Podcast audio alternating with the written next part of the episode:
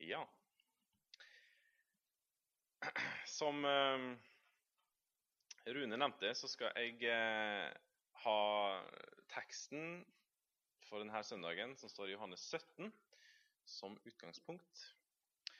Eh, og det har, eh, skal jeg innrømme at det har ikke vært sånn eh, kjempelett å jobbe med det, eller ha med det å gjøre.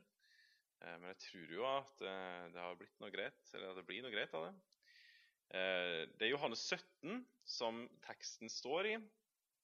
Og det kapitlet der kalles, eller i det kapitlet så har vi det som kalles Jesu ypperste prestelige bønn. Det er en henspilling til den bønna som, eller den gjerningen som Aron i Gamletestamentet ble kalt til å gjøre som ypperste prest for folket og som eh, ble ført fra ypperste prest til ypperste prest videre. Og I det bønnet her så trer altså Jesus på en måte inn i den ypperste prestelige rollen eh, i, i bønna. Eh, Johannes han er en litt sånn annerledes evangelist enn de tre andre. Eh, han, eh, eller Evangeliet hans det var kanskje ikke han som gjorde det sjøl, men eh, den er iallfall blitt inndelt etterpå i 21 kapittel. Og eh, Johannes 17 står i en rekke, en serie, som begynner Det kan hende det faktisk begynner litt før, men sånn som jeg ser det, så begynner det iallfall fra kapittel 13 og til og med kapittel 19 så er det i én hendelse. Ting skjer etter hverandre hele tida. Eh, og det er på ett døgn. Det begynner med eh, skjærtorsdagskvelden, når de skal ha måltidet, Jesus og disiplene. Og så avsluttes det med at Jesus begraves, og det er jo på langfredag. da. Så han bruker altså sju kapittel, en tredjedel av sin tid, sin plass som evangelist, den bruker han på ett eneste døgn i Jesus sitt liv. Det er ganske spesielt når vi vet at Jesus hadde tre år i sitt offentlige virke. Så velger altså Johannes ett døgn. Og jeg tror at vi får eh, litt sånn eh, ja, kanskje litt sånn syn for hvorfor han gjør akkurat det der, når vi kan lese litt lenger ut i Johannes eh, evangeliet, f.eks. i kapittel 20, vers 30 og 31. Der sier Johannes også mange andre tegn gjorde Jesus for disiplenes øyne, tegn som det ikke er skrevet om i denne boken. Men disse er skrevet, altså disse tegna, for at dere skal tro at Jesus er Messias, Guds sønn, og for at dere ved troen skal ha liv i hans navn. Det var det som var poenget for Johannes når han valgte å skrive det som han gjorde. Og i det siste kapittelet, eh, kapittel 21, eh, og vers 25, der står det Men det er også det siste kapittelet i hele Johannes-evangeliet. Men det er også mye annet som Jesus har gjort. Skulle det skrives ned hver ting for seg, da mener jeg at ikke hele verden ville romme de bøker som da måtte skrives. Det er jo ambisiøst utsagn. Uh, nå har det kommet til en del bøker etter at han levde, men uh, det, er ganske mye han egentlig mener at det kunne vært skrevet om Jesus. Han velger likevel å bruke en tredjedel av sitt evangelium på ett eneste døgn. Det tenker jeg at uh, hever litt sånn ja, viktigheten da, av det som skjer i de kapitlene her. Vi skal lese teksten i lag, fra vers 6 til og med vers 11. Jeg har åpenbaret ditt navn for de mennesker du ga meg av verden. De var dine, og du ga dem til meg, og de har holdt fast på ditt ord. Nå vet de at alt det du har gitt meg, er fra deg. Eh, for de ord som du ga meg, har jeg gitt dem, og de har tatt imot dem og kjent i sannhet at jeg er utgått fra deg, og de har trodd at du har utsendt meg. Jeg ber for dem. Jeg ber ikke for verden, men for dem som du har gitt meg, for de er dine. Alt mitt er ditt, og ditt er mitt, og jeg er herliggjort i dem. Og jeg er ikke lenger i verden, men disse er i verden, og jeg kommer til deg, Hellige Far. Bevare dem i ditt navn, som du har gitt meg, for at de skal, eh, kan være ett, liksom vi er ett. Så skal vi fortsette å be. Kjære Jesus. Takk at vi har ditt ord. Takk at du har sendt din Hellige Ånd til oss. Hjelp oss å forstå det som står her nå. Vi ber om beskyttelse fra Satan når vi skal være i lag nå. Beskytt hjertene våre, at vi kan høre ditt ord og tro det, Herre. I ditt navn. Amen. Um, Johannes 17 er eh, bønn. Det er Jesus som ber. Og det er jo litt spesielt, eh, skal vi komme litt tilbake til, men å få innsyn i Jesu bønn i det hele tatt. Det er Jesu bønn, og det er, kan derfor sies å være Herrens bønn. Når vi omtaler Fader vår, som står i Matteus 6, så omtaler vi ofte det som Herrens bønn. Men det er jo ikke riktig, for eh, det er disiplers bønn som vi har i Matteus 6. Det er disiplene som skal be den bønna. Det var ikke Jesu bønn på den måten. For Jesus sin bønn den er annerledes enn vår bønn. Ehm, I Fader vår så ber vi to ting Nei, vi ber én ting som Jesus ikke ba. Ehm, vi ber om at Gud må forlate oss vår skyld. Men det ber ikke Jesus om. Han gjør egentlig det motsatte.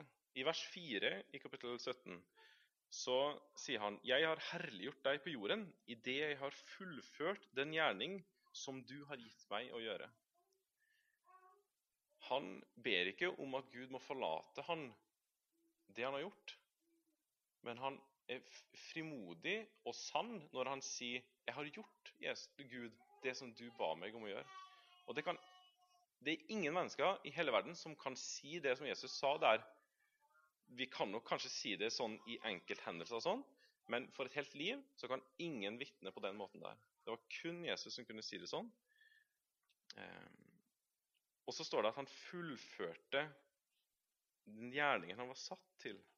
Det var gitt meg å gjøre, som det står. Hva var det for noe? Hva slags gjerning var det? Jo, det var at Faderen skulle bli opphøyd og herliggjort, og at menneskene skulle ha nytte av det. At vi får kjenne Han, sånn som det står i vers 3. Det var hans gjerning. Ok. De tre første versene.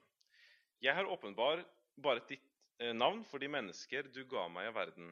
De var dine, og du ga dem til meg, og de har holdt ditt ord. Nå vet de at alt du har gitt meg, er fra deg. For de ord som du ga meg, har jeg gitt dem, og de har tatt imot dem og kjent i sannhet at jeg har utgått fra deg, og de har trodd at du har utsendt meg. Ehm, jeg har lyst til å si noe helt til å begynne med, som ikke bare står i de versene her, litt i de neste tre versene også, og andre plasser i Bibelen. Om et emne som jeg ikke kan veldig mye om, sånn at jeg ønsker å ha en viss sånn ydmykhet når jeg sier noe om det, men det må være sagt likevel.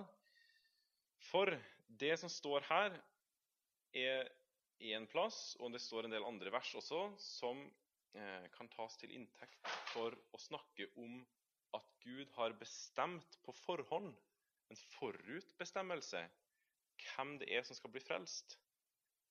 Og enkelte mener også å si at Gud har også valgt ut hvem det er som ikke skal bli frelst.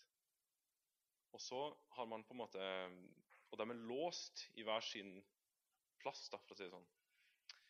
Um, at Gud har bestemt enkelte mennesker både til frelse, noen til frelse, noen til fortapelse, uansett hva de sjøl gjør, og, og, hvordan det her forholder seg til. Um, som sagt, jeg har ikke satt meg veldig inn i det, men jeg ønsker likevel å vitne frimodig om det som jeg mener står her, og som jeg mener står andre plasser også. Og det er uansett at Gud har kalt disiplene er det disiplene, de tolv tydeligvis, som han spesielt snakker om. Han har kalt dem, han har utvalgt dem. De er utvalgt, disiplene til Jesus.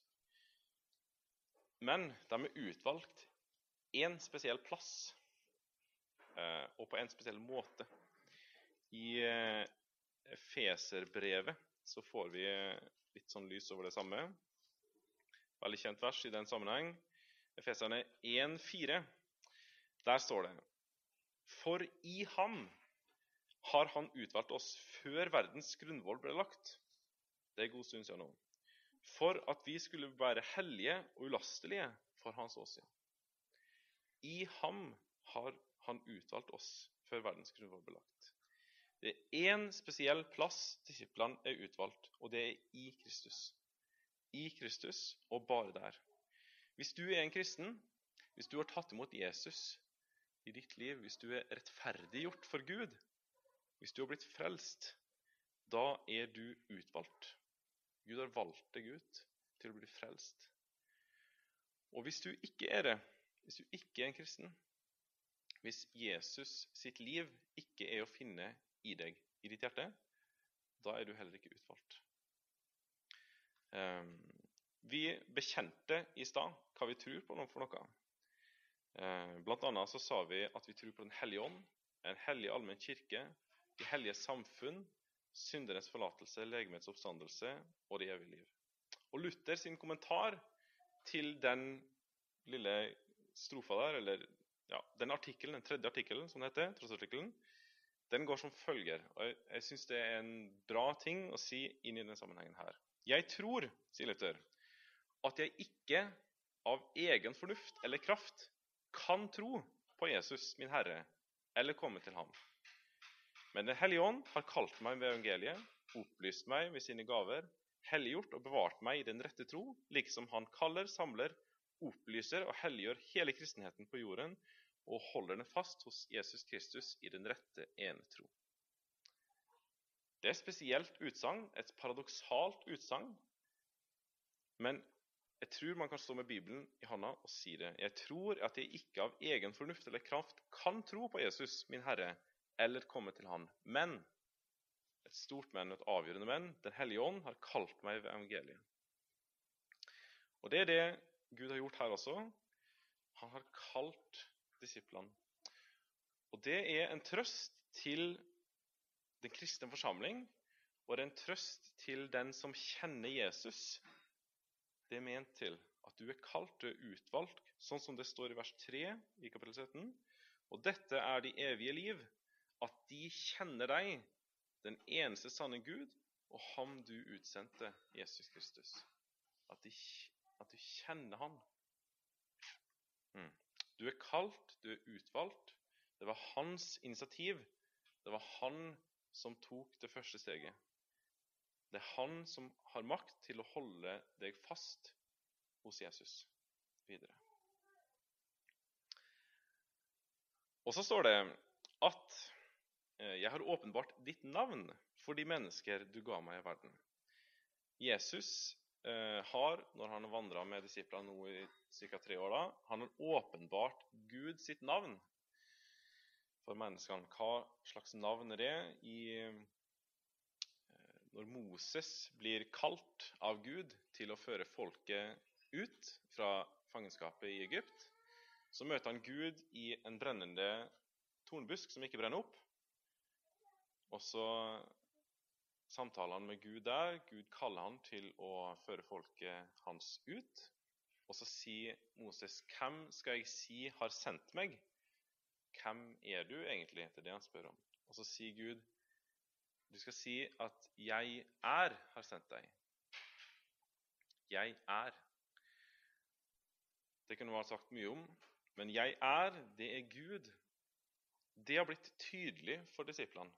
Det har blitt avklart for dem. Det har blitt vist dem, det har blitt avdekt, det har blitt gjort kjent. Det er noe av det som ligger i det å få noe åpenbart for seg. De har ja, jeg tror nok skjønt det, det kan godt si ja, men de har liksom fått det klart for seg hva det vil si hvem Gud er, hvem jeg er. Jeg er, er som det står. Og Jesus stadfester Det er jo litt spesielt, rett og slett. At han stadfester at disiplene har tatt imot og trodd på han. Han sier dere tror på meg. Dere tror på Gud. Dere har tatt imot Guds ord. Eh, vi snakker jo ofte om frelsesvisshet noen gang. At det er noe som vi gjerne skulle hatt litt mer av, da, som regel.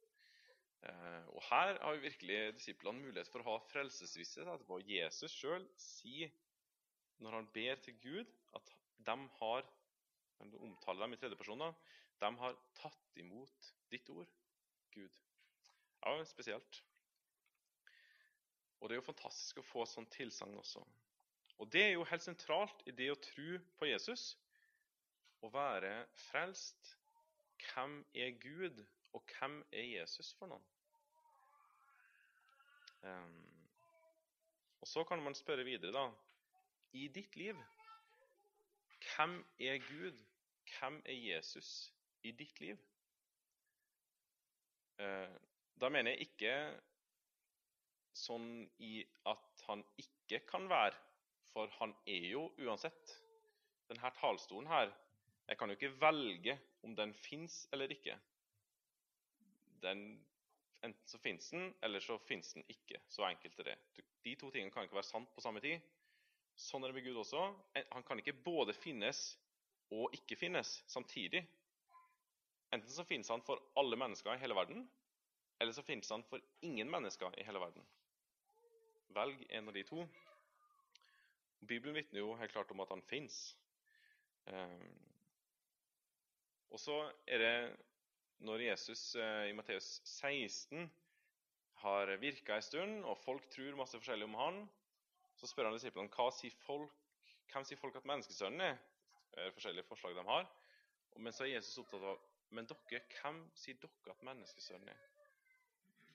Hvem er det dere sier at jeg er for noen?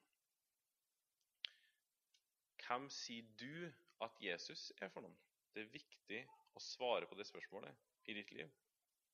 Hvem vil du si at Jesus er? Og når du skal svare på det spørsmålet, så er jeg kjenner meg sjøl det, det som er utgangspunktet mitt her nå. da, eh, At jeg tenker så veldig veldig ofte på mine forutsetninger for å svare på det spørsmålet.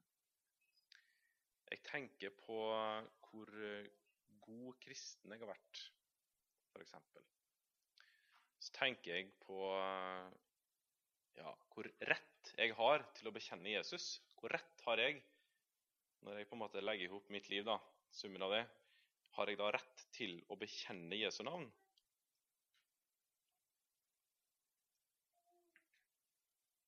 Det er nok forskjellige ting vi kan tenke på som på en måte holder oss ifra å bekjenne Jesu navn. Mange tenker kanskje at man ikke skjønner nok kan ikke så mye sånn teologi og kan ikke så mange bibelvers utenat. Sånn. Når det blir snakk om det blant de antikristne, så har liksom ingenting jeg skulle sagt. Kan ikke tilføre noe. Kanskje kjenner man på synd i livet.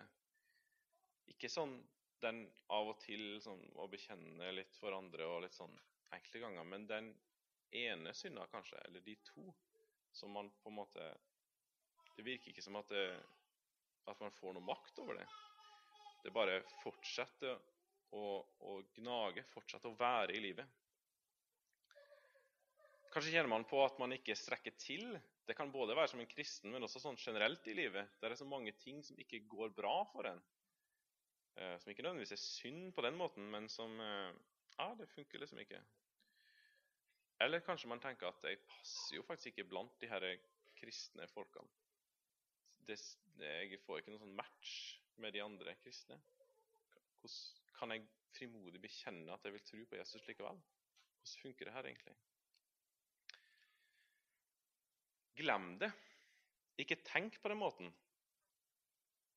Ikke, ikke ta det med i regnestykket ditt. Jeg syns det er et veldig godt eksempel eh, røveren på korset. Han ene, iallfall. Han fikk faktisk også veldig god frelsesvisshet bør ha mulighet for rett etter at Jesus sier at han skal være med i paradis. faktisk. Han blir en kristen der på korset. Og så blir han med til himmelen. Um, og han måtte bekjenne Jesu navn i sin elendighet. Hvis han hadde en sjanse til å bekjenne Jesu navn, så måtte han gjøre det i sin elendighet. Han kunne nok ikke spesielt mye teologi, for å si det sånn. Hadde ikke så veldig mye lest i Bibelen, tipper jeg iallfall. Eh, han sleit åpenbart med synd. Han var dømt til døden for den, faktisk. Eh, han strakk ikke spesielt godt til, og han passa veldig dårlig blant de kristne. Men han bekjente Jesu navn, og han gjorde det i sin elendighet, fra sin elendighet.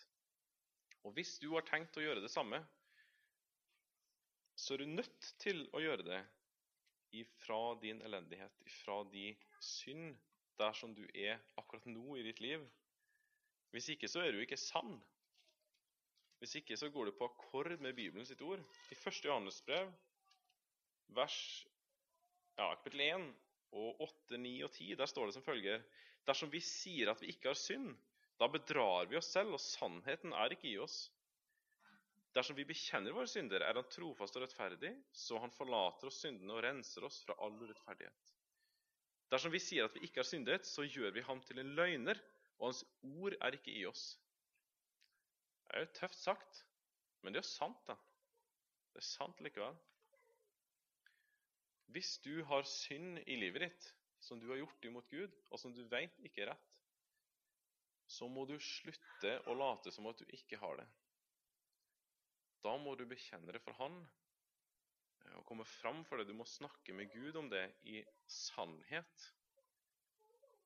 Og du må ikke gjøre som man så altfor ofte gjør, som jeg så altfor ofte gjør, og tenke at ja, gi meg bare én dag til. Gi meg bare ei uke til. Så skal det bli bra. Så skal det bli bedre.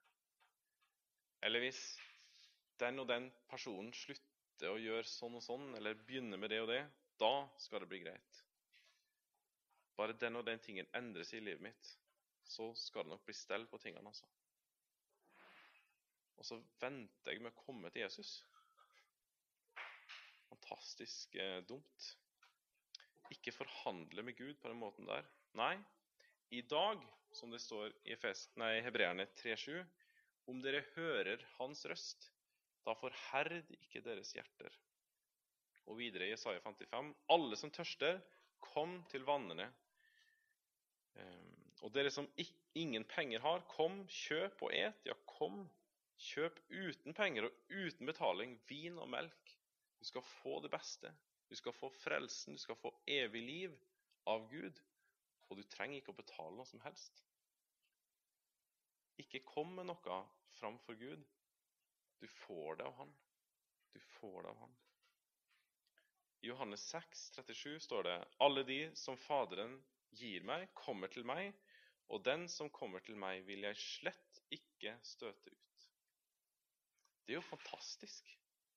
Tenk at jeg kan lese det her. Det er jo helt vilt. Så står det i de tre siste versene. Jeg ber for dem. Jeg ber ikke for verden, men for dem som du har gitt meg, for de er dine. Alt mitt er ditt, og ditt er mitt. Ehm, og jeg er herliggjort i dem. Og jeg er ikke lenger i verden, men disse er i verden, og jeg kommer til deg, Hellige Far.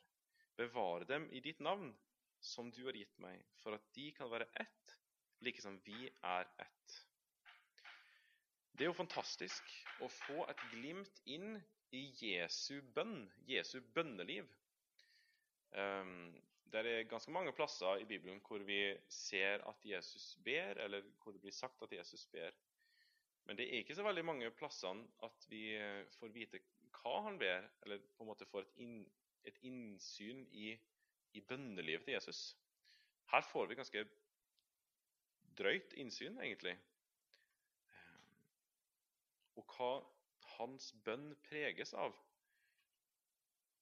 Den er prega av å løfte Faderen opp, og at menneskene får nytte av det, sånn som jeg sa i starten. Eh, godeste Ole Hallesby han skal ha sagt at bønnen i et kristent menneskes liv, det er åndens åndedrett. Altså pustinga i, i kristenlivet, det er bønnen. Ehm, det er fantastisk å kunne be til Gud og være hos Jesus på den måten. Være i hans nærhet. For der er alt avklart. Der er alt åpent. Det er ikke noen sånn stengsler der. Det er ikke noen sånn forutsetninger. Ikke noen krav som stilles. Der inne si, hos hjertet, i, i, nært hjertet hos Jesus, altså. I Jesu blod, i og med hans soning for oss, og det nylivet som vi får av han, så kan vi ha frimodighet innenfor han Og du er kalt. Vi er kalt til å leve nær Gud, nær Faderen. Og årsaken til at vi kan gjøre det, og tryggheten vi kan eie når vi gjør det, og freden som vi ja, også kan oppleve, men også freden for Gud sånn fritt for synda, og renheten, ikke minst, den har du én plass, og det er Jesus. Jesus og det som han har gjort for deg. En eneste plass kan du ha alt det der.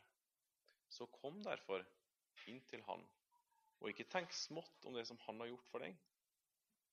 Det er stort, det som Han har gjort for deg, det som Han har gjort for oss. Det er altfor ofte at vi får en sånn mistolka åndelighet over oss. Eh, vi tenker kanskje om at det er veldig sånn ydmykt. Det kan virke veldig ydmykt å være litt, sånn, litt tilbakeholden, litt restriktiv i møte med Gud, i møte med Jesus. På en måte så har vi all grunn til å være restriktiv, all grunn til å skjule oss, sånn som Adam og Eva ville gjøre i Edens hage også. Men den som har Jesus, har ingen grunn til å skjule seg for Gud. Han har et helt fullstendig åpent forhold. Eh, det er ødeleggende for oss å holde oss borte fra Gud i tilfelle. Og så står det at Jesus ber for oss. Det er jo fantastisk. Eh, så er det kanskje ikke fullt så fantastisk at det står at han ber ikke for verden. Som om det var et kjempepoeng for Jesus å få fram. Nå har jeg forstått det sånn at eh, når det står det at han eh, Jeg ber for dem, jeg ber ikke for verden, men for dem som du har gitt meg, for de er dine, så er det ikke det at han vil utelukke å be for verden, men det ligger en slags prioritering i eh, det utsagnet som han har der, da. Ikke først og fremst verden, men ja, på den måten der. Og hva er det han ber om da? Hva er Jesus opptatt av? Han er opptatt av eh, at dem som er blitt gitt han, som er utvalgt, som er i Kristus, i slutten av vers 11 der, bevare dem i ditt navn, som du har gitt meg, for at de kan være ett, like som vi er ett. Han er opptatt av at den som har kommet inn i Kristus, den som har fått livssamfunn med Jesus, han skal bli bevart der. Han Skal fortsette å være der. Det ber Jesus for meg og for oss. Og så ber han om enhet.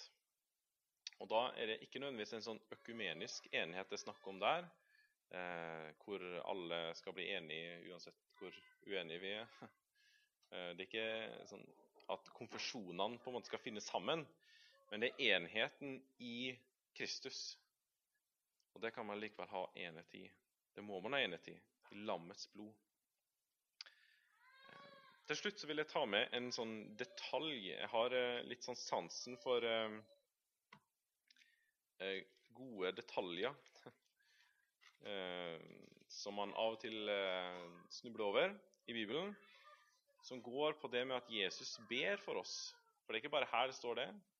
Eh, det står bl.a. i Romerne 8, og i tre vers der, så står det at Ånden ber for oss. Vi skal ta med oss det til slutt. Romerne 8, ja, fra vers 24, for at, eh, der står det om eh, hvorfor Ånden ber for oss. Romerne 8, 24. For i håpet er vi frelst. Men et håp som en kan se, er ikke lenger noe håp. Hvorfor skulle en håpe på det en allerede ser? Men dersom vi håper på det vi ikke ser, da lengter vi etter, med, etter det med tålmodighet. Og så kjenner han. Og her kommer også Ånden oss til hjelp i vår skrøpelighet.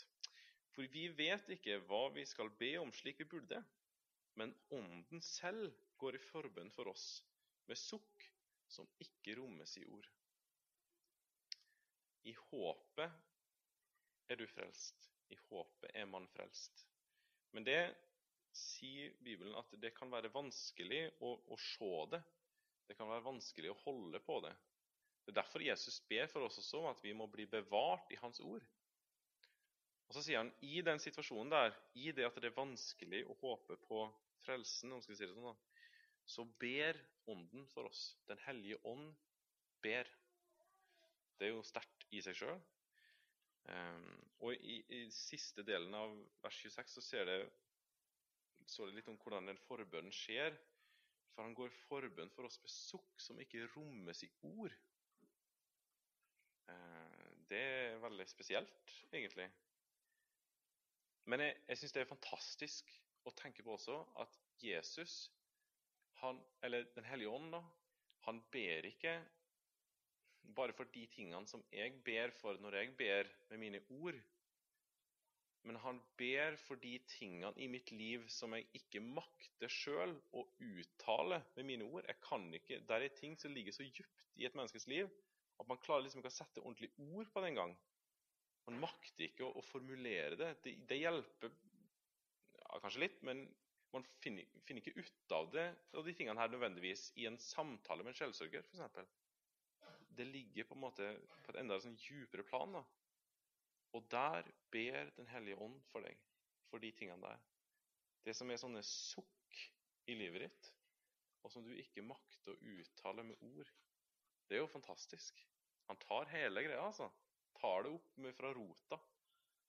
Eh, tar med alt sammen. Og så står det um, i starten av vers 26. Og her kommer også Ånden oss til hjelp i vår skrøpelighet. Og det er oss til hjelp, eller kommer og oss til hjelp. Uh, det betyr noe sånt som uh, Eller det høres jo bra ut, da, uansett, at han kommer til hjelp. Det er jo fint. Uh, men det ligger noe litt mer i det òg, at han tar i med oss. Han kommer oss til hjelp. Han tar i med oss i ja, Nå var det jo snakk om håpet her. Det at det kan være vanskelig å bli bevart, rett og slett. Eh, vanskelig å ha det så klart for seg, det her med å tro på Jesus. Men Der ønsker Den hellige ånd å ta i med deg. Han skal hjelpe deg inn i det. Og så er det utrolig godt òg, tenker jeg, at han tar i med oss i all skiten i livene våre. altså. Eh, så ønsker han å hjelpe oss, han ønsker å ta i med oss. Og så står det her på den måten der Også her kommer også Ånden oss til hjelp i vår skrøpelighet. Han kommer oss til hjelp i vår skrøpelighet. Men i en, gammel, en gamlere oversettelse enn det som jeg bruker her, i 1930-oversettelsen, så står det på en litt annen måte, og det utgjør en liten sånn forskjell her, en sånn detalj av de tallene som jeg liker godt av. Der står det men i like måte kommer også Ånden vår skrøpelighet til hjelp. Det er jo ikke stor forskjell på de tingene der. Men det er nesten som at i den, som jeg leste først, nå, så er det sånn at Jesus, eh, Den hellige ånd, ja, Jesus, er opptatt av oss, og så er han opptatt av i vår skrøpelighet. Men i 1930-oversettelsen så er det nesten som at Den hellige ånd, når han er opptatt av oss, så er han spesielt opptatt av din skrøpelighet. Han er spesielt opptatt av det som ikke går så bra i livet ditt, og vil hjelpe inn mot det. Men i like måte kommer også Ånden vår skrøpelighet til hjelp.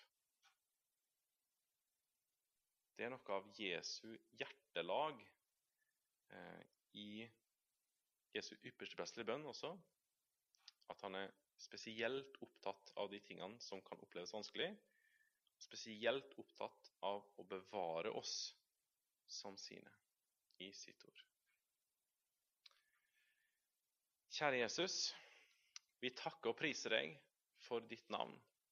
Vi takker og priser deg for din frelse, eh, at du kom til oss, at du elsker oss så høyt, at du ga deg sjøl for at vi skulle slippe å dø, at vi at du tok vår synd bort ifra oss. At vi ikke trenger å stå til ansvar for vår egen synd lenger. Du har tatt ansvaret for det, Jesus. Kjære Jesus, bevar oss i ditt navn. Bevar oss helt hjem til deg. Takk, kjære Herre Jesus, at du ber for oss. Det takker vi deg